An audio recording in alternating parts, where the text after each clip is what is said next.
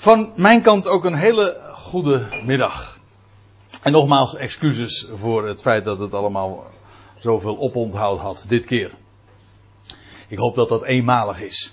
Maar zoals Gerard al zei, ik wil u inderdaad meenemen naar het boek van de Psalmen. Het vierde boek van de Psalmen moet ik eigenlijk zeggen, want het boek van de Psalmen is eigenlijk een collectie van boeken, een vijftal boeken.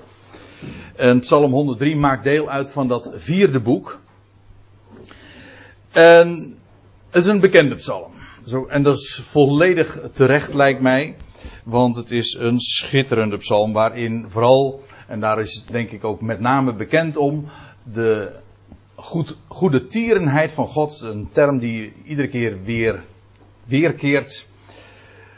De goede tierenheid van God wordt daarin geweldig bezongen. En ik zal u ook nog even wat uh, zeggen over wat de directe aanleiding is. Gistermorgen, gistermiddag, mocht ik een begrafenisdienst in Nunspeet leiden. Van een broeder die hier vorig jaar trouwens nog één of meerdere keer is geweest, samen met zijn vrouw ook. Kors van Balen. En die kreeg het begin van het jaar, vorig jaar kwakkelde die al wat met zijn gezondheid. En begin van het jaar, van dit jaar in januari, kreeg hij te horen van de doktoren in het ziekenhuis dat hij niet meer te behandelen was. En hij is vorige week maandag dan in volle vrede, mag ik wel zeggen, ontslapen. En deze man die leefde enorm dicht bij het woord, dat was voor hem alles. Dat was zijn grote liefde. En hij heeft in de laatste weken nog kenbaar gemaakt. In aanvang zou ik het uh, zou ik spreken over de geschiedenis van het boekje in het boekje Rut. Maar toen heeft hij het nog omgegooid en hij zegt van wil je spreken over Psalm 103. Want dat lag hem heel dicht bij het hart. Nou, dat heb ik gisteren inderdaad gedaan. Maar terwijl ik daar zo mee bezig was in de voorbereiding, dacht ik van ja, er is zoveel meer over te melden. Daar heb je toch eigenlijk een heel Bijbelstudie voor nodig, minstens, om dat even goed uiteen te zetten. En vandaar dus dat ik het uh, maar heb gecombineerd. Gisteren heb ik daar wat dingen over naar voren gebracht. En nu wil ik echt een Bijbelstudie daarover geven. Nou, laat ik om te beginnen iets zeggen over de wijze waarop deze psalm is opgebouwd. En de psalm kent een, zoals dat met een mooi woord heet, een inversiestructuur. En met een inversiestructuur, daarmee bedoelen we dat deze psalm naar binnen is gekeerd. En dat betekent dat het eerste deel, dat komt overeen met het laatste deel. In dit geval is dat een oproep om Yahweh te loven. Dat vind je zowel hier als daar. En hier is het nog persoonlijk. De oproep wordt gericht aan mijn ziel. En aan het einde wordt de oproep zoveel grootser nog, totdat het zelfs uh, al zijn werken worden opgeroepen om Yahweh te loven. Dus de oproep om Yahweh te loven, individueel en universeel. Dan krijg je het tweede deel dat overeenkomt met het één na laatste deel. En dat gaat over het koninkrijk van Yahweh. Dan krijg je het derde deel. En dat begint dan met de goede tierenheid van Yahweh ook te beschrijven. En dat ziet u dus ook in het, het derde deel komt overeen met het twee na laatste. En zo komt het vierde deel overeen met het drie na laatste. En dat gaat over de voorbijgaande toorn van God. En over de voorbijgaande dagen van de sterveling. En dan komen we tenslotte in het hart van de psalm.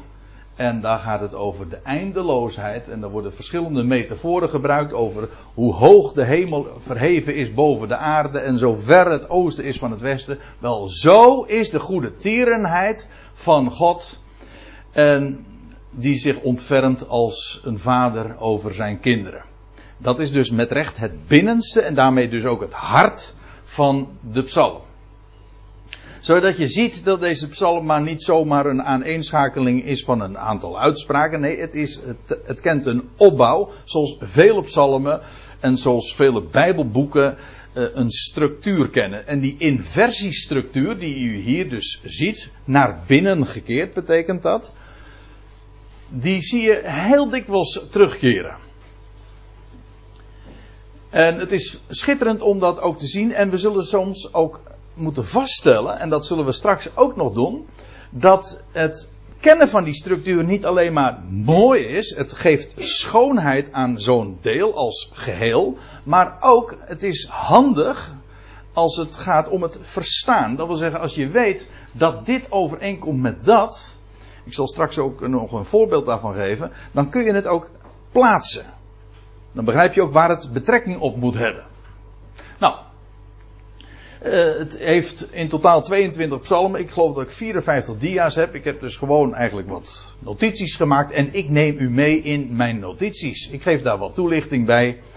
En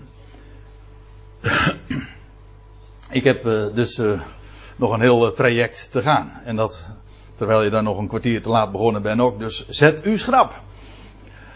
Het begint met de vermelding dat het van David is. Nou ja, van David. Eigenlijk is het aan David. Of voor David. En dat kan dan weer twee dingen betekenen. Dus een wat dubbelzinnige aanduiding. Namelijk aan David toebehorend. Dat zou de gedachte kunnen zijn. Maar je zou ook kunnen verdedigen. Het is aan David gewijd. Of het is aan hem opgedragen. En dan dus in de zin van voor David. De Concordant Version heeft dat opgelost die dubbelzinnigheid door het te vertalen een Davidische psalm. Waarbij dus eh, je aan beide elementen kunt denken. Trouwens, je hoeft ook niet per definitie een keuze te maken, maar de, het Hebreeuwse voorzetsel is breed genoeg om beide betekenissen in zich te hebben. In ieder geval, het is een Davidische psalm. Daar houden we het dan op. En dan staat er: Loof de Heere, mijn ziel. En nou ja, dat is het grote onderwerp. Want ja, daar begint het mee, daar eindigt het mee. In alle toonaarden klinkt dat. Waarbij ik trouwens moet zeggen, hier wordt niet het gewone woord voor loven gebruikt. Uh, het woordje hallel, wat wij kennen in halleluja. Maar hier wordt het woord voor zegenen gebruikt. Althans, met die, met die wortel. In, ja, in de, u ziet het in de interlineair. In de Engelse uh, interlineair wordt het ook weergegeven met bless him. De, zegen de Heer. En waarbij dat woord zegen in het Hebreeuws, dat is barak. En er zijn uh, Israëli's die zo ook heten, bekende Israëli's die zo heten. Ja, er is ook een bekende Amerikaanse president die zo heet. Maar dan schrijf je het weer anders. En ik vraag me af, ik weet het niet, dat, ik zit het met de plekken nu af te vragen of dat nog weer te herleiden is tot de Hebreeuwse vorm, dat weet ik niet. Maar in ieder geval, uh, je had uh, de president of de premier van Israël, Ehud Barak. Nou, dat betekent dus gewoon zegen. En er was een, een, een secretaris van Jeremia en die heette Baruch. Baruch. En dat is ook exact dezelfde naam. Het betekent dus zegenen. Maar het is nog interessanter, want dat Barak, dat is afgeleid van het woord voor knie. En daarmee ook van het werkwoord weer knielen. Zodat het woord zegenen in het Hebreeuws, gewoon in de Hebreeuwse gedachteassociatie, dat ontgaat ons als Nederlanders, maar nou, daar, daarom vertel ik het u ook. Maar als je het in het Hebreeuws zegt, dan denk je dus meteen aan een knie en knielen. Degene die knielt, die wordt gezegend. Daar is, daarin is juist ook de zegen gelegen. Je knielt voor hem neer, die ook waar, werkelijk het waard is om voor neergeknield te zijn. En voor wie ook elk, maar dat is eigenlijk het einde van de psalm, voor wie ook elke knie zal buigen. Maar dat is dus zegenen. Zegen de Heere, mijn ziel. Dat is een aanduiding die je heel vaak in het eh, Hebreeuws ziet of in de psalmen tegenkomt, mijn ziel wordt aangesproken. Dat is eigenlijk gewoon mijn ik. Waarbij je moet niet, niet moet denken aan een deel van jou. Dat is eh, eigenlijk hele sterk Griekse filosofie. Waarbij we zelfs nog denken aan een, een deel van het innerlijk. Terwijl dat nu juist niet de gedachte is. De mens is een ziel. De eerste keer dat uh, gesproken wordt over de mens, dan wordt hij ook genoemd. er wordt stof uit de aardbodem genomen. Er werd levensgeest, neshama, in hem geblazen. En alzo werd de mens, Genesis 2 vers 7, alzo werd de mens, niet kreeg de mens, maar alzo werd de mens een levende ziel. En als hij de adem weer uitblaast, is het een dode ziel. En de ziel is eigenlijk ook niet zozeer een aanduiding van de binnenkant, maar juist de buitenkant. Eventueel inclusief dat wat erin zit. Maar bijvoorbeeld, ik heb hier een citaat uit ook een psalm, psalm 63. Mijn ziel dorst naar u. En dan staat erachter, oh, dat is een prachtig uh, en bekend parallelisme. Mijn vlees smacht naar u. Waarbij dorsten uiteraard overeenkomt met smachten. En mijn ziel komt overeen met mijn vlees. De mens is een stoffelijk wezen. En genomen uit de aardbodem en ook weer terugkerend naar de aardbodem. Maar in elk geval, hij is een ziel. Loof de Heer. Mijn ziel, dat betekent dus gewoon mijn ik. Ik loof de Heer. En alles wat in mij is. Je zou zelfs kunnen, het zo kunnen lezen. Loof de Heer mijn ziel. De buitenkant. En alles wat in mij is. Zijn heilige naam. Maar dan krijg je zelfs dan staat het helemaal haaks op ons denkbeeld. Want wij denken bij de ziel aan de binnenkant. Terwijl de Bijbel nu juist denkt aan het geheel. Vooral de buitenkant. En alles wat in mij is, zijn heilige naam. De naam van zijn heiligheid. Loof de Heere, mijn ziel. Loof Yahweh, want de godsnaam wordt hier gebezigd. Ja, het is zijn heilige naam, dat is Yahweh. Ik ben. Die naam heeft hij ooit is gegeven ook. Weet het, het is de naam boven alle naam. En hij die verhoogd is, die uitermate verhoogd is, die heeft de naam ontvangen boven alle namen. En dat is de naam van Yahweh. En wat is die naam? Dat is de naam Jezus. En dat betekent Yahweh red. Opdat in de naam van Jezus zich elke knie zou buigen. Van wat in de hemel, op de aarde en wat onder de. Kortom, alle knie. Gaat buigen en alles zal hem dus ook zegenen. Staat ook bij tot eer van God de Vader. Loof de Heer mijn ziel, vergeet niet één van zijn weldaden. Dat kan namelijk, je leest in uh, een paar psalmen verderop, psalm 106, dan lees je over Israël, zij vergaten God, hun verlossen, degene die hun redden. Hij die grote dingen in Egypte gedaan had. Waar het om gaat is dat je aan zijn weldaden, waarin zijn goede tierenheid blijkt. Goede tierenheid, dat is een wat oud-Nederlands woord natuurlijk. We gebruiken het in het uh, alledaagse Nederlands niet meer, maar de betekenis, ja, goh, het is een wat lastig uh, Hebreeuws begrip. Of in ieder geval om dat één op één in een Nederlands woord om te zetten. En dat oud-Nederlandse woord is misschien nog het meest passend. Hij die tiert, dan kun je het ook mooi onthouden. Hij die tiert in zijn goedheid. Hij die zijn goedheid overvloedig eh, geeft en doorgeeft ook. Vergeet er niet één van. De bekender is onze Johan de Heer versie natuurlijk. Tel je zegeningen één voor één. Tel ze alle en vergeet er geen. Vergeet zijn weldaden niet. Dat is de beste oproep die je aan een mens kan doen. Om te verdenken aan wat hij jou allemaal geeft en wat hij doet. Niet alleen aan jou, maar in het algemeen. Die al uw ongerechtigheden vergeeft. Is dat mooi? Want het is trouwens letterlijk ongerechtigheid in de Statenvertaling. Dus enkelvoud. En dat woord, dat Hebreeuwse woord, dat is avon. En dat betekent inderdaad alles wat krom is. Dat is afgeleid van ava en dat betekent uh, krom, scheef, gebogen, verdraaid. In ieder geval dat wat niet recht is. Je moet het woordje ongerechtigheid, dus eigenlijk heel letterlijk nemen. Onrecht, dat wat niet recht is. Vandaar dat die weergave van ongerechtigheid, dus uh, een hele mooie is. Een, uh, goed gevonden en ook mooi overeenkomend met het Hebreeuwse gedachte. Die al uw ongerechtigheid vergeeft. We komen daar straks trouwens nog even op terug. En dan staat er ook nog bij die al uw krankheden, uw ziekten geneest. Sommige mensen vatten dat op alsof dat uh, vandaag zou zijn, die de Heer, dat de Heer dat nu doet. Maar ik kom daar straks nog even op terug, maar ik wil er nu alvast even op wijzen dat het ook direct uh, gekoppeld is aan het volgende, aan het volgende vers. Want eigenlijk is de grootste krankheid die een mens heeft, is dat hij doodgaat. We hebben eigenlijk allemaal een dodelijke ziekte onder de, onder de leden. Namelijk, een mens is een sterveling. En dat is precies waar het volgende vers dan ook over gaat. Die uw leven verlost van de groeven.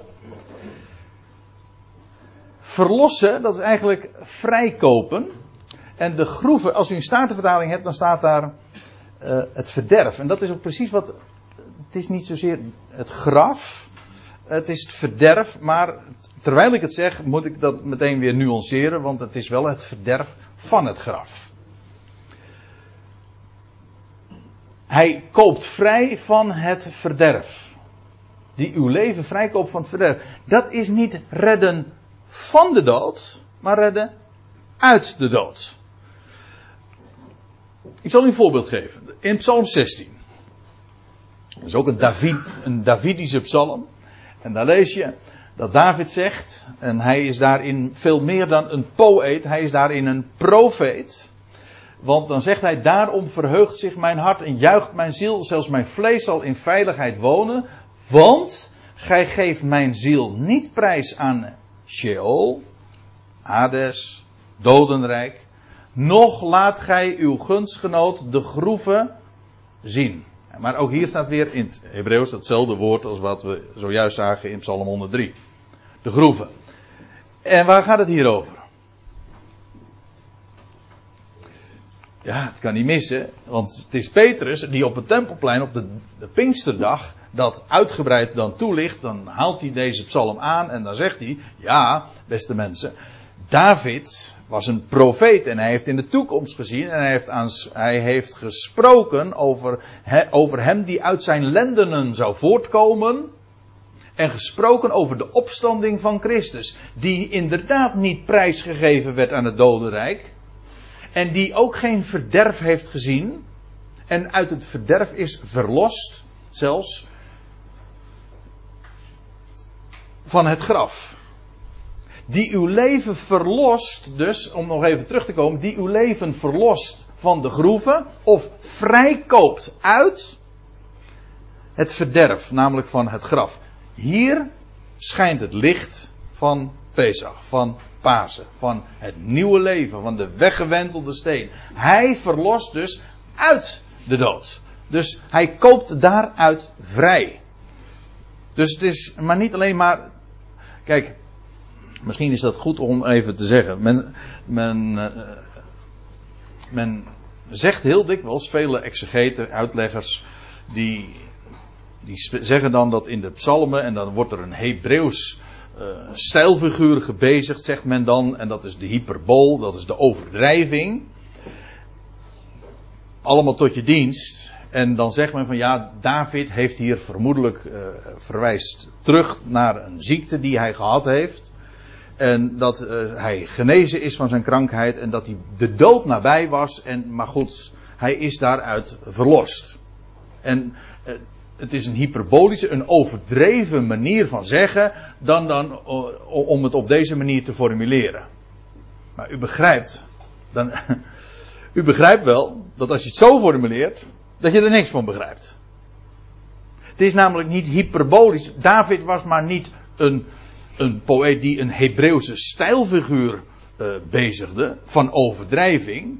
Nee, hij was een realist, hij was een profeet en hij heeft gesproken over hem die na hem zou komen, en maar over ook in het algemeen wat er zou gebeuren, over God die de doden levend maakt. Die, de, die uw leven verlost van de groeven. En daarmee ook echt inderdaad van al je krankheden. Want dan ben je inderdaad de ziekten en de vergankelijkheid voorbij. Dus het is profetisch. Dat is maar geen, geen overdrijving. Geen, geen dichterlijke stijlfiguur. Sluit ook direct aan trouwens bij wat er dan volgt in vers 4. Die u kroont met goede tierenheid en barmhartigheid. Ja, dat gaat juist, juist en vooral over de, de heerlijkheid van de opstanding. Trouwens, dit woord kronen, dat komen we in Psalm 8 ook nog een keer tegen. En dan wordt er gesproken over de zoon van Adam. Als je een MBG-vertaling hebt, dan raak je echt de draad kwijt. Maar als in een Statenvertaling wordt het heel correct weergegeven. Het gaat daar over de zoon van Adam. Niet over Adam of de mens in het algemeen. Nee, het gaat over de zoon van Adam die een weinig minder is gemaakt dan de engelen. Dat wil zeggen, engelen sterven niet. Hij is gestorven. Hij is vernederd. Maar vervolgens staat er dan, en in Hebreeën 2 wordt dat uitgebreid ook toegelicht. Er staat er van, hij is een weinig minder gemaakt dan de engelen vanwege het lijden des doods. Maar wij zien Jezus met heerlijkheid en luister gekroond. Dat gaat hier dus over de kroning met leven, met onvergankelijkheid. Na het lijden en de vernedering. Eerst lijden, daarna heerlijkheid. De weg naar heerlijkheid verloopt per definitie via lijden. En in, in die bekroning, dat is het nieuwe leven, aan de andere kant van het graf, waar geen krankheden meer zijn, en dan word je inderdaad gekroond met goede tierenheid en barmhartigheid. Het gaat over het nieuwe leven voorbij de dood. Inderdaad, van de opstanding dus. Ik lees, ik lees verder. Die uw ziel, maar ja, dat is niet wat hier staat. Er wordt hier niet over ziel gesproken, zoals we in het begin van deze psalm zagen. Er staat letterlijk die uw sieraad. En kennelijk hebben de vertalers niet goed geraad geweten met wat dat hier zou betekenen. Maar er staat letterlijk die uw sieraad, uw ornament, staat u hier in het lineair. U ziet, hier staat hier niet het Hebreeuwse woord nefesh. Nou ja, voor, ik zeg dat, u ziet dat. Als je een beetje Hebreeuwse lettertjes uh, gegeten hebt, dan uh, zeg je van, hé, hey, daar staat er geen nefesh. Nee, daar staat er ook geen nefesh. Er staat een ander woord. En dat betekent versiering of sieraad. En zo wordt het ook altijd vertaald, maar, of meestal vertaald, maar hier dus niet. Maar dat is wat er staat. Die uw sieraad verzadigt of bevredigt in het goede. Ja, wat de gedachte is, is, lijkt mij, ik geef het u ter overweging, dat hier een, ook hier weer een parallelisme uh, gebezigd wordt, gebruikt wordt. Namelijk dat het uw jeugd is. Die uw ziel verzadigt met het goede, namelijk uw jeugd. De jeugd is de zieraad. De, niet waar? Wanneer is een mens op zijn mooist, op zijn zierlijkst? Ja, u zegt als die, uh, jij als je 54 bent natuurlijk, denkt u, maar nee. Ja, dat, ja. Ja, dat is waar, Lup. Maar een mens is zo. De mens is op zijn mooist en uh, sierlijkst uh, uiteraard in de jonkheid. En dan krijg je dus ook hier deze parallel zinnen. Ik had het zojuist over die, die, die structuren, die soms dan ook inzicht geven in wat de betekenis van een woord is. En dat zie je eigenlijk ook bij parallelisme. Dat wil zeggen dat twee zinnen, dat zie je zo dikwijls in het boek Spreuk, in de psalmen, uh, dat zinnen parallel lopen. En het mooie daarvan is dat als je één woord ontgaat, of als je niet goed weet wat de betekenis is, dan kun je houvast vinden juist in de andere lijn. En dan krijg je dus die uw sieraad verzadigd, dat is die uw jeugd vernieuwd. Waarbij verzadigd overeenkomst parallel loopt met vernieuwd en uw sieraad met uw jeugd. En dan krijg je nog één. Het is een uh, raadselachtige zin, is mij gebleken. Want er staat, die uw ziel of uw sieraad verzadigt in het goede en uw jeugd, niet zodat, maar uw jeugd zich vernieuwt als een arend. Die woorden die van staat er niet. eigenlijk loopt de zin niet af. De, de vergelijking wordt niet afgemaakt uw jeugd zich vernieuwt als een arend. Eerst even dit. Een arend. Nou, er staat in het Hebreeuws het woord nesher. En dat is niet zozeer een arend, maar een geer. Eventueel is het woord breed genoeg om ook een arend in te sluiten, maar in ieder geval niet uitsluitend, want ik kan dat. Uh, ik, ik, had daar nog wat diaatjes bij, maar toen werd, het hem een beetje te veel om dat uh, nog uitgebreider toe te lichten. Maar laat ik het dan even zo even kort zeggen. Je leest in Job 39. dat het zo'n nestje.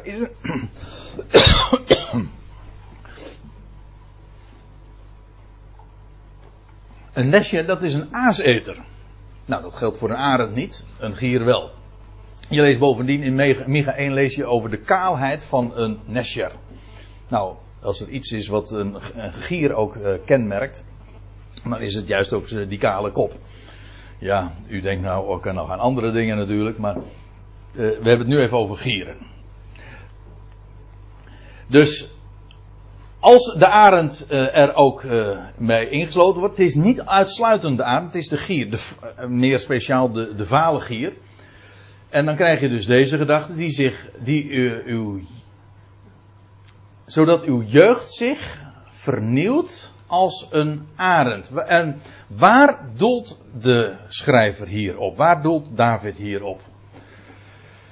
En er zijn verschillende suggesties gedaan. Ik ben daar eens een keer ingedoken en het werd me er niet duidelijker op. Want sommige mensen denken, en dat is de meest eh, voor de hand liggende optie ook, aan de continue vernieuwing van het verendek. Jaarlijks schijnt dat een proces te zijn verruimen en weer een nieuw verendek te krijgen.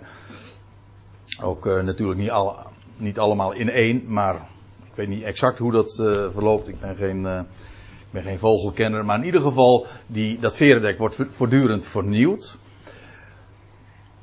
En anderen zeggen, ja, dat, die optie heb ik ook genoemd. De arend die zijn snavel dan aan de rots slijpt en daarmee ook zijn snavel vernieuwt.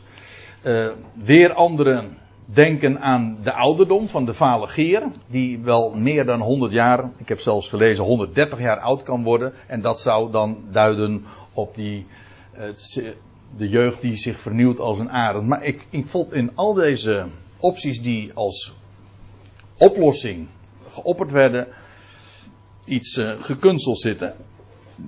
Totdat ik stuitte op Jesaja 40. En als u mij vraagt, staat daar het antwoord. Daar lees je in dit. Het is ook een bekend hoofdstuk. Schitterend hoofdstuk. En dan lees je in vers 30. Jongelingen worden moe en mat. Zelfs jonge mannen struikelen. Het gaat hier over de jeugd dus. Maar zelfs jeugd Jeugdige mensen, mannen, kunnen moe en mat worden en struikelen. Maar staat er, wie de Here verwachten, die putten nieuwe kracht. Dus die jeugd kan weer vernieuwd worden. Door wie? Wel voor wie de Here verwacht. Die wordt verjongd. Moet nou, als ik het zo zeg, dan moet ik denken aan, aan woorden die we ook in de, in de brieven lezen. In de Colossensebrief dat Paulus ook zegt dat we, nee, de Efezebrief, dat onze geest verjongd wordt door ons denken. Door het kennen van Hem worden we, wordt een mens van binnenuit jeugdig gemaakt, verjongd. Maar nou komt het. Dan lees je, zij varen op met vleugelen als arenden of gieren, dat maakt me even niks uit, in ieder geval als nesher, dat is het woord wat hier gebruikt wordt. Ze lopen, maar ze worden niet moe. Ze wandelen, maar ze worden niet mat. Zodat hier gesproken wordt over jeugd, over vernieuwing van de kracht. En vervolgens wordt de vergelijking gemaakt met arenden of nesjer of gieren die opvaren met groot, op, tot grote hoogte. Ik heb daar een, ik heb daar zelfs nog een filmpje. Ik zal het, ik zal het heel kort doen, want het is maar een paar, uh, ik geloof 20 uh, seconden of zo. Ik heb hem even ingekort. Maar er staan uh, schitterende filmpjes en video's op uh, YouTube daarover. Maar dit is er een. Dit is zo'n fale gier, zo'n nesjer. Die tot enorme hoogte. Imposant. U ziet, hij fladdert niet. Hij doet niks? Hij doet niks. Hij, hij, hij vliegt, dat wil zeggen. En het, hij gaat dus inderdaad puur door de wind en de thermiek, dat hij zulke enorme hoogte bereikt. En dan denkt u, en we gaan het straks trouwens ook zingen, dat ter afsluiting. En het is een bekend opwekkingslied, dat is erg zweverig. Dat wel. Maar we hebben de tekst iets aangepast. En uh, dat doen wij zonder enig probleem. Nou ja, laat het de auteurs maar niet eh, weten, want dan eh, krijg je misschien nog problemen met de copyrights en, weet, en zo. Dus u, ik, ja, rechtszaken aan je broek. Dat, dat wil ik nou ook weer niet. maar in elk geval, uh, dan lees je in dat opwekkingslied, uh, gaat het over, dan stijg ik op als een arend. Nee, hoe was het? Dan, zweef ik op de wind. En, ja, wacht even. Uh, nou, ja, dan, dan stijg, dan zeg ik op als een arend en dan zweef ik op de wind, gedragen door de kracht van uw liefde. Maar het is ont, ontleend uiteraard aan Jezaja 40, waar bij die arend inderdaad niet fladdert, niet op eigen kracht dat doet, maar puur door de kracht van de wind. Een beeld van de geest. In het Hebreeuws is het woord voor wind en geest identiek, is ruach door de kracht van de wind en, de, en nee, door de wind, gedragen door de wind. En dan staat er ook nog bij, er wordt er gezongen, en de kracht van uw liefde. En dan denk ik meteen aan de thermiek. Hm? De kracht van de warmte van zijn liefde die ons tot die enorme hoogte brengt. Niet op eigen kracht, maar puur door de, gedragen inderdaad door de wind. En door de thermiek, de warmte. Dus dan krijg je deze gedachte. We gaan nu even weer terug naar vers 5. Die uw ziel, die uw sieraad verzadigt met goede. Dat wil zeggen, uw jeugd zich vernieuwt als een arend. En je krijgt dan. Het, het lijkt incompleet. Er moet iets nog aangevuld worden. Ja, als een arend wat? Die uw jeugd, die de jeugd, vernieuwt, zich als een arend. Puntje, puntje, puntje. Die opstijgt tot grote hoogte. Het is Jezaja 40 die, die de vergelijking afmaakt. Want hier zou je de vraag kunnen stellen, die uw jeugd zich, zodat uw jeugd zich vernieuwt als een arend. Die wat? Ja, die zich ook vernieuwt. Die zijn verendek vernieuwt. Uh, wat dan? Nee, Jezaja 40 zegt, jongelingen worden moe. Maar wie de Heeren verwachten put een nieuwe kracht. En ze varen op als arenden tot grote hoogte. Dus als je mij vraagt en je vergelijkt schrift met schrift, wordt in Jezaja 40 de vergelijking gecompleteerd. Dat is wat er met een arend, een nesjer aan de hand is. Die grote hoogte waar die, uh, waartoe hij komt, puur niet door de kracht van de wind. En de kracht van de thermiek.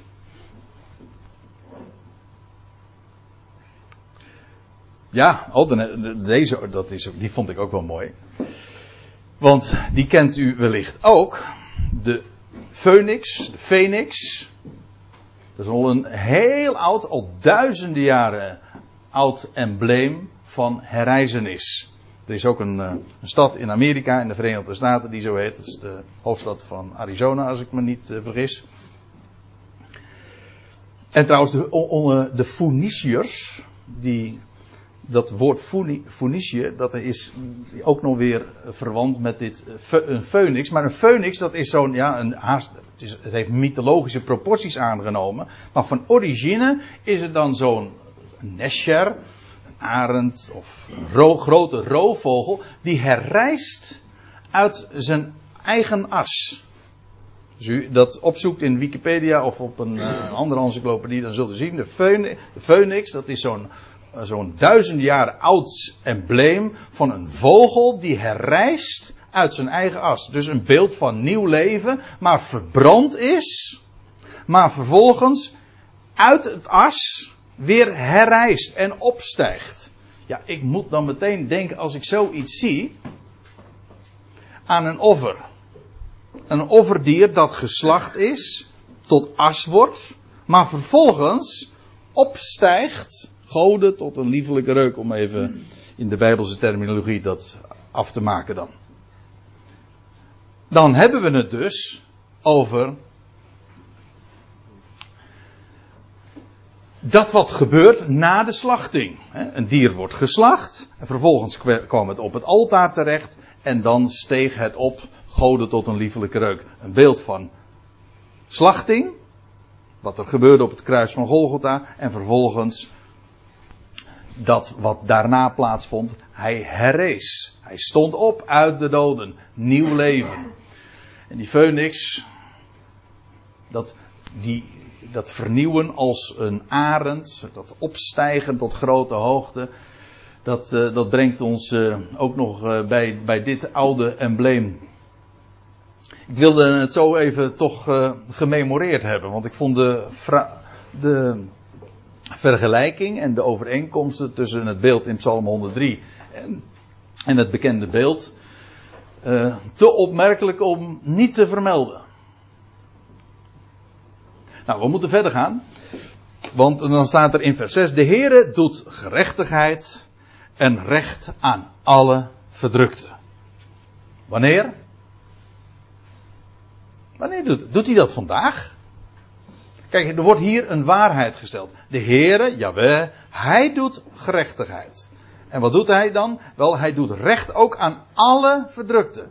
Nou, het lijkt mij toch duidelijk dat is dat, dat niet wat de Heer vandaag doet. Maar nu breng ik u weer eventjes terug naar die structuur waar we het aan het begin over hadden. Want toen zagen we al dat dit deel overeenkomt met dat deel. De Heer doet gerechtigheid en recht aan alle verdrukten. En dat komt overeen met dit één na laatste deel, zeg ik het goed? Ja. En dat is in vers 19. De Heere heeft zijn troon in de hemel gevestigd. En zijn koninkrijk, zijn koningschap, heerst over alles. Dan. Het gaat hier over het koninkrijk dat zich zal uitbreiden en over alles zal heersen. Hij vanaf zijn troon vestigt de zoon, dat is een ander opwekkingslied trouwens weer, maar dat is een bijbelse waarheid. Vanaf de troon vestigt de zoon zijn heerschappij. Het gaat hier over het koninkrijk waarbij alles onder beslag zal zijn van de heerschappij van God zelf, die middels zijn zoon inderdaad over het universum zal heersen, over alles. De Heere doet gerechtigheid aan, recht, aan alle verdrukten. Wanneer? Wel, de structuur laat zien dat het te maken heeft met het koninkrijk dat gevestigd zal worden in de wereld, maar over alles zal heersen. Ik ga verder. Vers 7. De Heere hij, hij, jawel, hij maakte Mozes zijn wegen bekend. De kinderen Israëls zijn daden. Begrijpt? Mozes wordt hier natuurlijk als zeer bevoorrecht getoond en geschilderd. Je leest in Exodus 33, dat is trouwens na die geschiedenis van dat gouden kalf.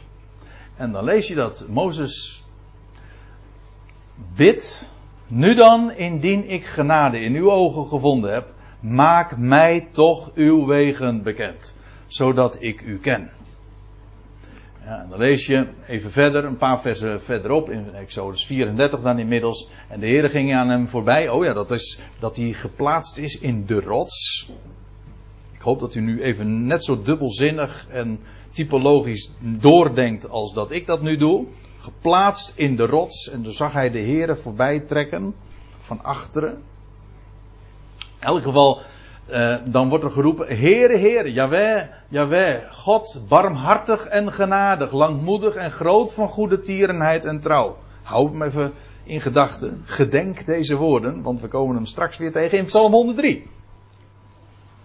Ja, maar hij maakte Mozes zijn wegen bekend, de kinderen Israëls zijn daden. Het verschil is dit. Hij confronteerde Israël met dat wat hij deed. Om maar wat te noemen, daar toen zij door de, de Schelfzee gingen, toen zagen zij die, die wateren zich scheiden en ze zijn doorgegaan en als, als door de doodswateren heen, in feite ook een uitbeelding van dood en opstanding.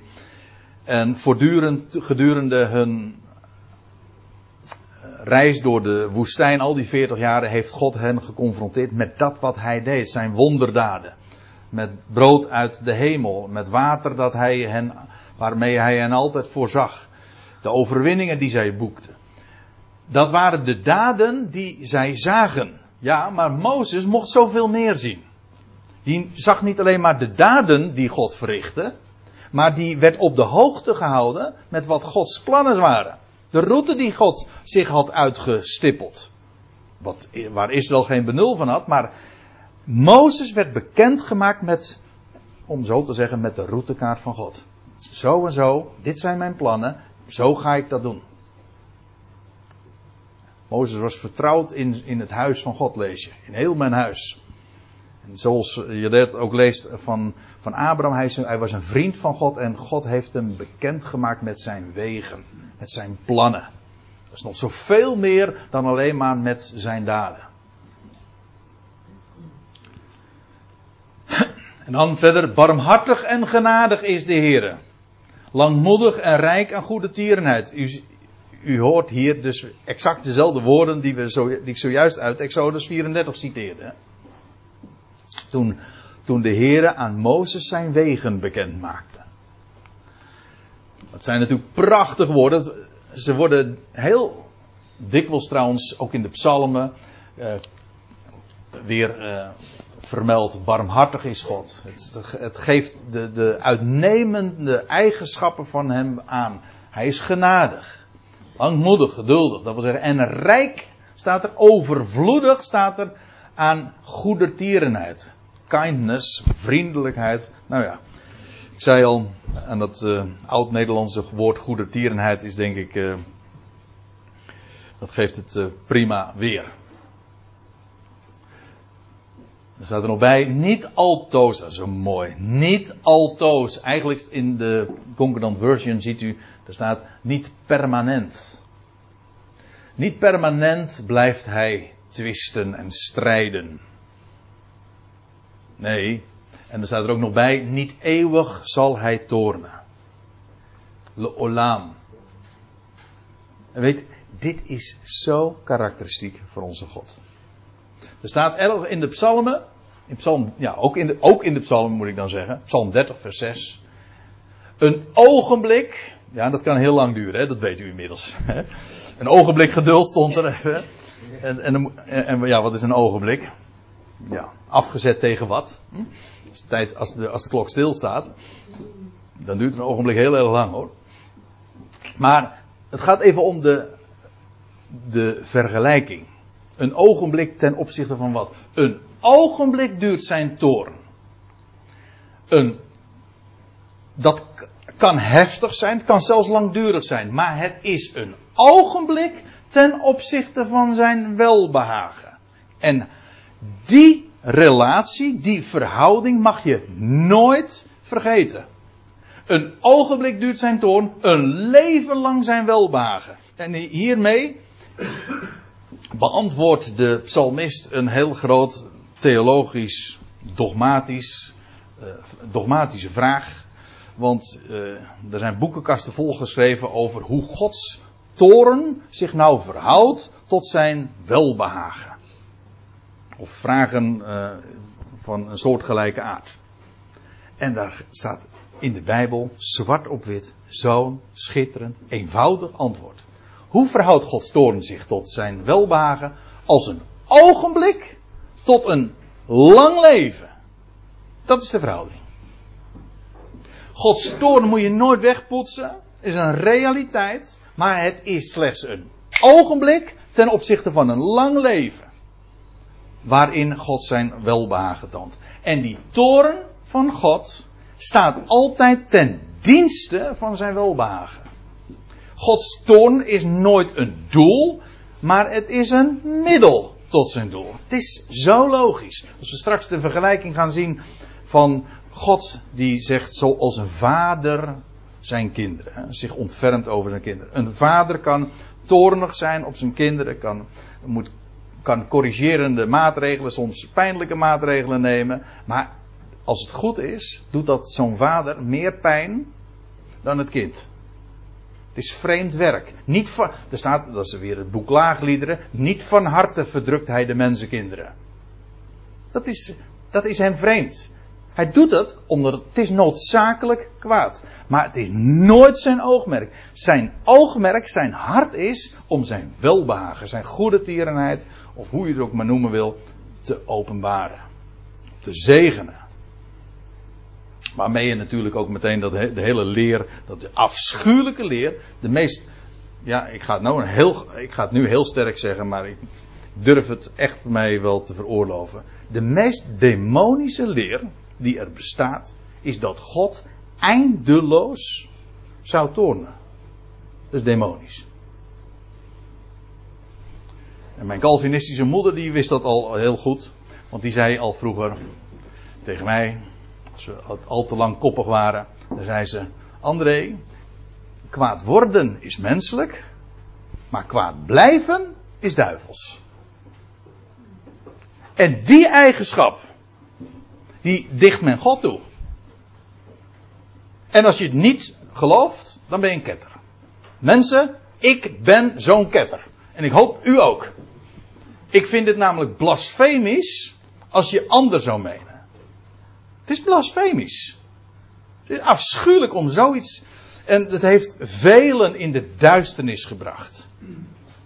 Die al, het, is maar niet alleen een kwestie van dat je daardoor geen, geen zicht meer hebt op de toekomst en dat je Gods plannen niet meer kan onderscheiden. Je hele godsbeeld wordt compleet verstoord. En, en dan te bedenken dat de theologie op dat gegeven, op die notie van de eindeloze hel, gebaseerd is. De prediking gaat daarover. Over eeuwig wel, eeuwig wee. En allemaal met het idee van eindeloos. Haal die eindeloosheid weg en ja. Daar is zoveel mee gemoeid. Maar dan die woorden van de psalmen. Niet permanent blijft hij twisten. Niet eeuwig zal hij tonen. Hij doet ons niet. Ik ga verder. Hij doet ons niet naar onze zonde. Hij vergeldt ons niet naar onze ongerechtigheden. Dat wil zeggen, het zijn niet onze werken. Of dat nou goed is, of zoals in dit geval onze zonden, onze ongerechtigheden. Wel, daar rekent hij niet mee. Die vergeet hij. We hadden, aan de ene kant zie je daar dus die notie van gedenken. God gedenkt zijn verbond. Hij gedenkt zijn belofte. En als hij iets belooft, dan doet hij het. Dan komt hij er nooit op terug. Maar er zijn andere dingen die hij vergeet. We zagen dat trouwens ook al aan het begin van de psalm. Die al uw ongerechtigheden vergeeft. Niet mee rekent. Nooit meer aan herinnerd wil worden. En jou ook aan zal herinneren. Nou ja, ik geef toe. Het gaat hier specifiek over Israël. Maar het perspectief is zoveel groter. En vooral het godsbeeld wat hier geschilderd wordt. Ja, dat is geweldig. Hij doet ons niet naar onze zonde, vergeldt ons niet naar onze ongerechtigheden, maar zo hoog de hemel is boven de aarde. Ja, dus aan de ene kant zie je dus de voorbijgaandheid, de, hoe zeg je dat, de vergankelijkheid. Kan ik, uh, misschien een beetje vreemd woord in dit verband. De vergankelijkheid van Gods toren, dat was vers 9. Maar eindeloos, dat is zijn goede tierenheid. Het ene is heel specifiek gelimiteerd. Het heeft proporties. Het andere is zo hoog de hemel is boven de aarde. Zo, als je dat niet kunt meten. Wel, zo machtig is zijn goede tierenheid. Zo vermogend. Hè? Zo meesterlijk is zijn goede tierenheid. Dus zijn goede tierenheid is niet alleen maar goedheid, maar het is ook meesterlijk. En ik moet dan denken aan deze, aan ook dit lied. We zijn erg met uh, liederen in de weer, maar goed, Psalm 103 is ook een lied natuurlijk. Uh, maar uh, ik weet eigenlijk even niet welk nummer dat ook weer is. Maar in elk geval die, die strofe die dan zegt, wat zijn liefde wil bewerken, dat ontzegt hem zijn vermogen niet. Zo hoog de hemel is boven de aarde, zo machtig is zijn goede tierenheid. Hij wil niet alleen maar zegenen en zijn goedheid bewijzen en overvloedig tonen. Nee, zo machtig is zijn goede tierenheid ook. Hij is in staat om dat te realiseren. Wat zijn liefde wil bewerken, zijn vermogen, zijn arm. Hoe staat dat in de profetie zo dikwijls? Zijn, zou de arm des Heren tekort zijn? Onze armen wel. Wij kunnen ja, wij staan stil bij onze. Eh, wij hebben zo onze plafonds, zo onze begrenzingen. Maar dat is. Zo hoog de hemel is boven de aarde. Zo machtig is zijn goede tierenheid over wie hem vrezen. En nu komen we weer terug. Waar ik al eerder op wees in het begin al. Dat woordje. Eh, God zegent. God betoont zijn goede tierenheid. Ja, over wie? Wel degene die voor hem knielt. Die hem vreest, die ontzag heeft voor hem. dan bewijst hij zijn goedheid. Wie de knie buigt, die wordt gezegend. En feitelijk zijn dat zelfs synonieme begrippen. De zegen is juist ook gelegen in de, het uh, erkennen van Hem. Zo ver het oost is van het westen. Ja, dat vind ik wel mooi. Het was mijn vader die me vroeger al erop wees. Waarom dat er op deze manier geformuleerd wordt. Waarom, zei hij toen. En ik heb hem altijd onthouden en ik wil hem bij deze ook delen. Kijk, Noord en Zuid kun je meten. Je hebt, je hebt de Noordpool, je kunt het uiterste Noordpunt, eh, en of in dit geval de magnetische Zuidpool. Die zijn exact te lokaliseren en de afstand tussen beide punten kun je meten. Bij het oosten en het westen gaat dat verhaal niet op. Noord-Zuid is meetbaar, Oost-West niet. Waar is, waar is het oosten? Is het, het oostpunt. Waar, waar is het westpunt? Nou, zover het oosten is van het westen. Ja, u zegt van ja, zover het oosten, ja, dat is gewoon daar. Dat is in het verre oosten, dat is in, uh, in Indonesië. Bijvoorbeeld. Ja, maar voor degene die in Indonesië is, is het oosten. U, begrijpt wat ik bedoel. Dat, daar kun je geen punt voor aanwijzen. Zo ver het oosten is van het westen, zo ver doet hij onze overtredingen van ons. Sorry? Ja, het is een verschil van dag en nacht, ja. ja. Zo ver doet hij onze overtredingen van ons. Dus dat is trouwens nog wat anders dan wat we in vers 10 al zagen. Daar was het vergeving. Hij doet ons niet naar onze zonde, hij vergeldt ons niet naar onze ongerechtigheden. Maar wat hier staat is, hij doet onze overtredingen van ons. Hij maakt dat we niet meer overtreden. Hij doet die overtredingen van ons. Het gaat er dus niet om, om de gedachte van hij gedenkt dat niet meer of hij vergeeft dat. Nee, die overtredingen neemt hij af. Dat is trouwens ook de gedachte als er staat dat hij verlost van de zonden. Wij denken dan meteen van, oh dat betekent dat er geen straf uh, wacht. Nee, hij verlost ons van onze zonden. We waren zondaren en we worden rechtvaardig gemaakt. Maar let op wie dat is, hè? Wie dat doet. Dus werk van hem. Loof hem. Buig je neer voor hem. Waar, waarom is hij zo groot? Nou, dat, de hele psalm wordt dat al gemotiveerd. En allerlei verklaringen en motieven en en gronden voor aangevoerd. Maar één van de motieven is dat hij onze overtredingen, oké, specifiek hier Israël.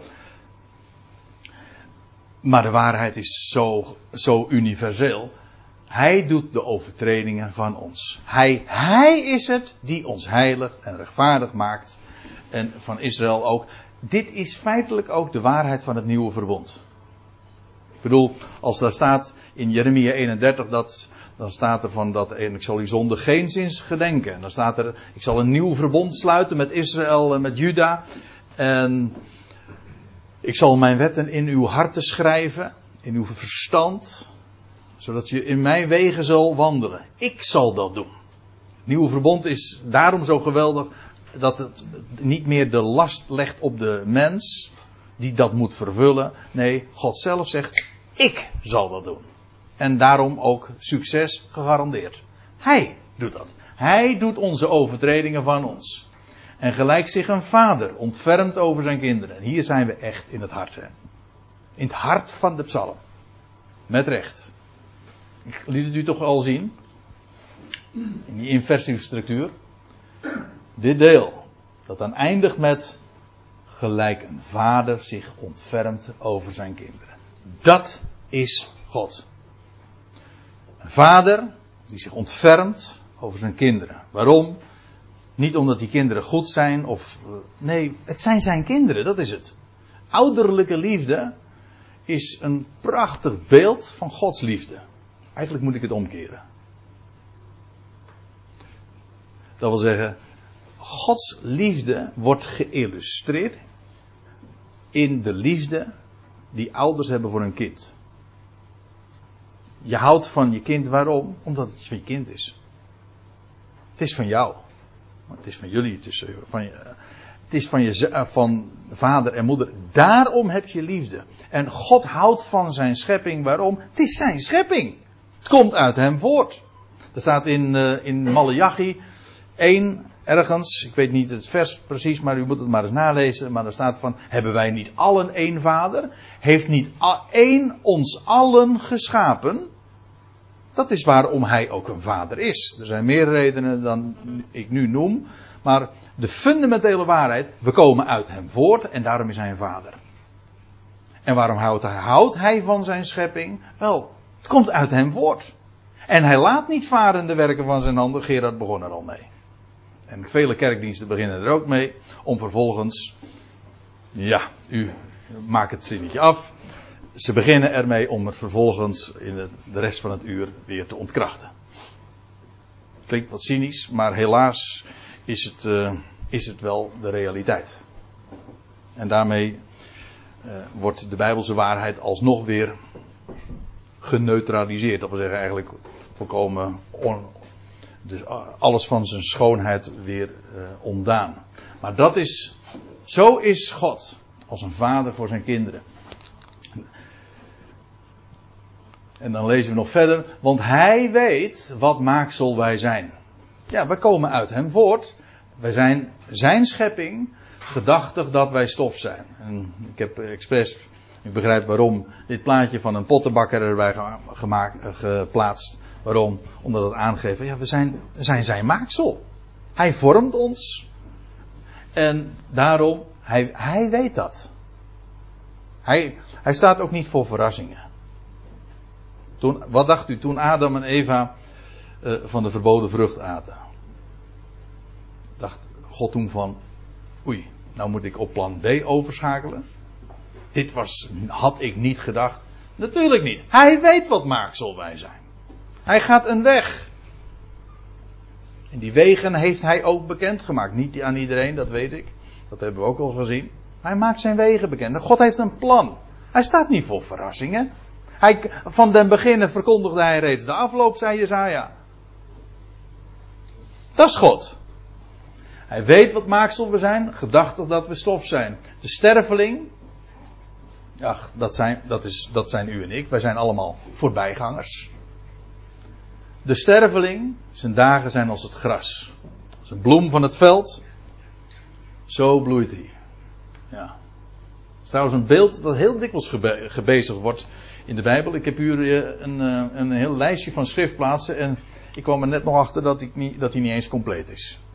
Maar in ieder geval, in de psalmen, in Jezaja een paar keer zelfs, in Jacobus en Petrus wordt dit beeld van gras en een bloem van het veld. Elders vinden we, in Job vinden we nog het beeld van een weverspoel die zo, zo snel voorbij gaat. Of een beeld van elders in de psalmen over de damp die opstijgt. Dat is ons leven. Of een ademtocht. Je krijgt, je krijgt lucht, dat is de geboorte. En je doet weer, dat is sterven. Dat is een ademtocht. Dat is de sterveling. Stof, stof ben je. En tot stof keer je weer terug. De Bijbel is, in de Bijbel is de dood een terugkeer. Terug naar af. Met die gedachte, met die verstande dat God verlost van de groeven. Dat is, want we hebben een levende God. En hij heeft het leven op het oog. Zal ook triomferen. Ja, nog even terugkomend op die bloem van het veld. En als het gras Wanneer de wind erover is gegaan, dan is ze niet meer en haar plaats kent haar niet meer. Ik vond dit wel een aardig beeld, illustratie. Omdat uh, zo'n paardenbloem, ja, daar hoef je maar tegenaan te blazen en weg is die bloem weer. Trouwens, door de wind vindt er ook weer verspreiding van nieuw leven plaats. Maar dat is ook een mooie typologie. Ja, hoe de geest een rol speelt in het verwekken van nieuw leven. Denk daar eens over na. Ja, in elk geval, hier is de sterveling getypeerd. We leven hier een aantal decennia, 70, zo we sterk zijn 80, en sommigen nog wat ouder. En dan is het weer voorbij. Ja. En zo al die generaties. Nou, hier wordt dus de tijdelijkheid van de mens geplaatst tegenover de eindeloosheid van Gods goede tierenheid. Dat kent geen limits. Zoals wij begrensd zijn, zoals God is de gans andere.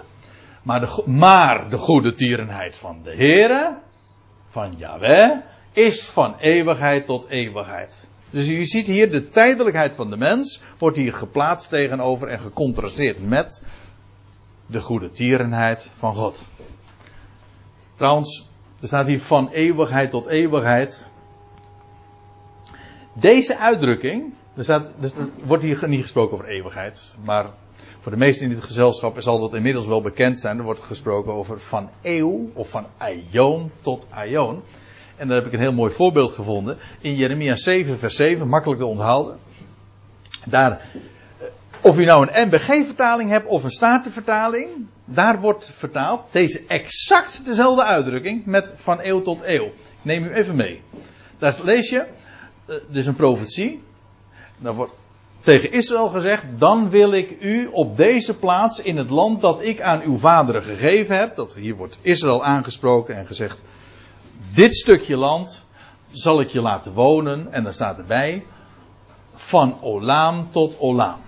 Van eeuw, van Aion tot Aion. Kijk, als je van eeuwigheid tot eeuwigheid leest, dan denk je al gauw, als je vertrouwd bent met de dogmatiek, van, oh, van eeuwigheid tot eeuwigheid, van de eeuwigheid die nooit begonnen is tot de eeuwigheid die nooit ophoudt. Het ene blikt terug, het andere blikt vooruit. Dat is het idee niet. Er wordt hier gesproken over van aion tot aion. Van eeuw tot eeuw. En dat vind ik nou zo grappig, want men kon dat hier niet consequent uh, volhouden. Deze exact dezelfde uitdrukking wordt hier zo weergegeven en in Jeremia 7 met van eeuw tot eeuw. Want ja, daar, daar stond de, stonden de vertalers eigenlijk uh, niks anders uh, als optie open. Dus moest men het op deze wijze weergeven. Maar had men dat overal maar gedaan? Gewoon, dat, woord, dat hele woord eeuwigheid deugt niet. Het is een eeuw, het is een aion. Ja, dan lees ik nog even verder in vers 18, want ik moet echt doorgaan. Over hen die zijn verbond onderhouden. Weet je, letterlijk staat er bewaren. Niet onderhouden. Onderhouden, dat doe je met je handen. Bewaren, dat doe je in je hart. Maria lees je dat ook. Dat als uh, de boodschapper bij haar gekomen is, dan staat en ze bewaarde al die woorden in haar hart. Het zijn allemaal van die doe-het-zelvers. Ook die Bijbelvertalers lijken wel. Want er staat hier gewoon het woord, het gewone woord voor bewaren. Bij, bij onderhouden denk je meteen van, oh, dan gaan je handen alweer jeuken. Nee, die woorden en dat verbond en dat wat God tot stand brengt, dat zou bewaard worden. En die aan zijn bevelen denken. Ja, die zijn bepalingen niet denken, maar herinneren, gedachtig zijn. Dat kan je alleen als je het bewaart hebt. Als je bewaart in je hart, dan kun je er ook weer aan terugdenken. Het woord bevelen is trouwens bepalingen en later moest ik nog aan denken. Er staat in het Hebreeuws hier het woord pikot. ik, neem, uh, voor wat het waard is, ik, uh, zal, ik kan me niet voorstellen dat er etymologisch, dat zou me echt verrassen, etymologisch een verwantschap zou zijn met ons woordje piket, piketpaaltjes. Maar het is wel makkelijk te onthouden. Het zijn namelijk bepalingen, gewoon markeringen die God aangeeft van daar. Denk daaraan. Ja. Het is een, eh, een woord met, een, eh, met nogal wat associaties, zoals de Bijbel het gebruikt. Maar in elk geval, het zijn, die zijn bepalingen herinneren om die te doen. En de Heer, en daarmee ook uh, dat te gedenken en daaruit te leven. Vers 19, de Heere en ik heb er al eerder op gewezen, vanwege die structuur. De Heere, Yahweh, hij heeft zijn troon in de hemel gevestigd. En zijn koningschap, of zijn koninkrijk, heerst over alles. Uiteindelijk is dit dus ook een profetische psalm. Wanneer dat koninkrijk van God gerealiseerd wordt en trouwens ook alle kranken genezen zullen worden en de doden bij die gelegenheid ook in gefaseerd zullen opstaan. Wel, maar dat koninkrijk dat begint in de hemel. Ja. En vanuit de hemel zal het gevestigd worden op de aarde. Ik moet dan meteen denken aan het boek, uh, of aan het Onze Vader. Die in de hemel zijt, uw wil geschieden, zoals in de hemel, ook vervolgens op de aarde. Maar ik denk aan nog een woord, en uh, dat is in de psalmen. Daar wordt gezegd tegen de Messias, zet u aan mijn rechterhand is profetisch. Dit, dit, dit woord, dat wordt zoveel keren in het Nieuwe Testament aangehaald. Wat een hele grote rol speelt in, ja, ook juist in verband met de tegenwoordige tijd. Waar is de Messias nu? Wel, aan Gods rechterhand. Aan de, een toppositie.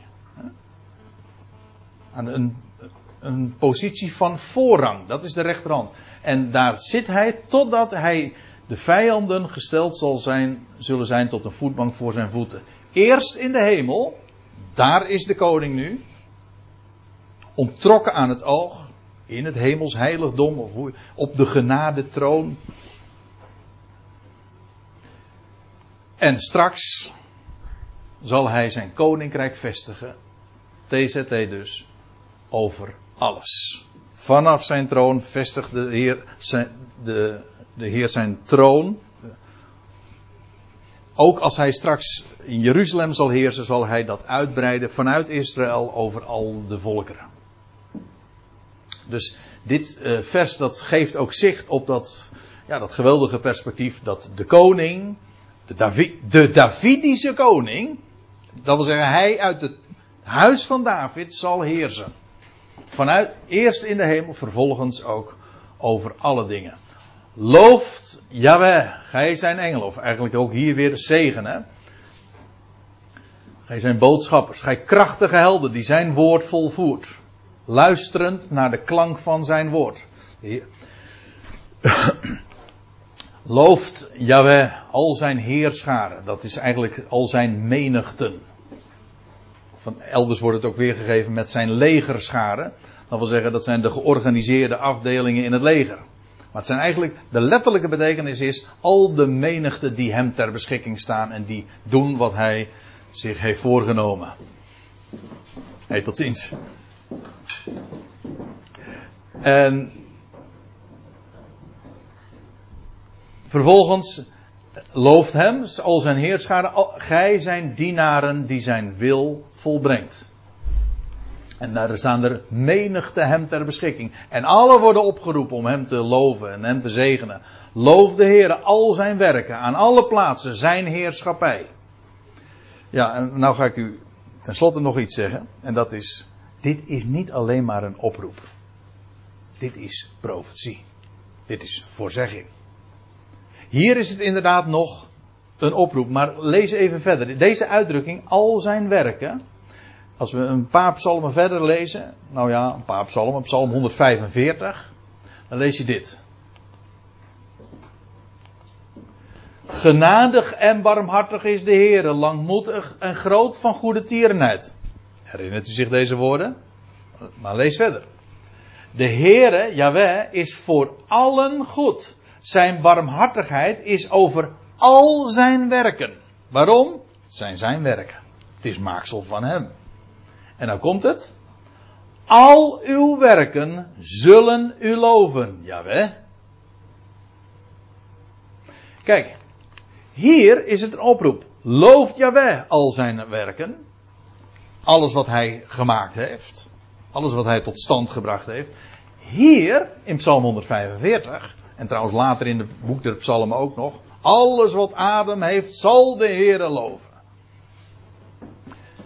Al uw werken zullen u loven en voor hem neerbuigen. Toch? Hoe was het? Alle knie gaat buigen. En alle tong van binnenuit zal getuigen. Jezus is Heer. Tot eer van God de Vader. Ja, inderdaad. Hem zullen zij loven. En dan eindigt het met. Ja. Loof Jaweh, mijn ziel. En u ziet. Ja, ik heb hier dit eh, beeld uh, gebruikt van de slang die in zijn staart bijt. Dus wij zeggen dan, de cirkel is hier weer rond. Want waar de psalm mee begon, loof Jaweh mijn ziel, daar eindigt het weer mee. Wat een reden geeft deze psalm. Wat een motieven, wat een gronden voert de psalmist aan, deze Davidische psalm, om Yahweh te zegen en te loven, voor hem neer te knielen en hem inderdaad alle credits te geven voor wat hij is en wat hij doet. Loof Yahweh, mijn ziel.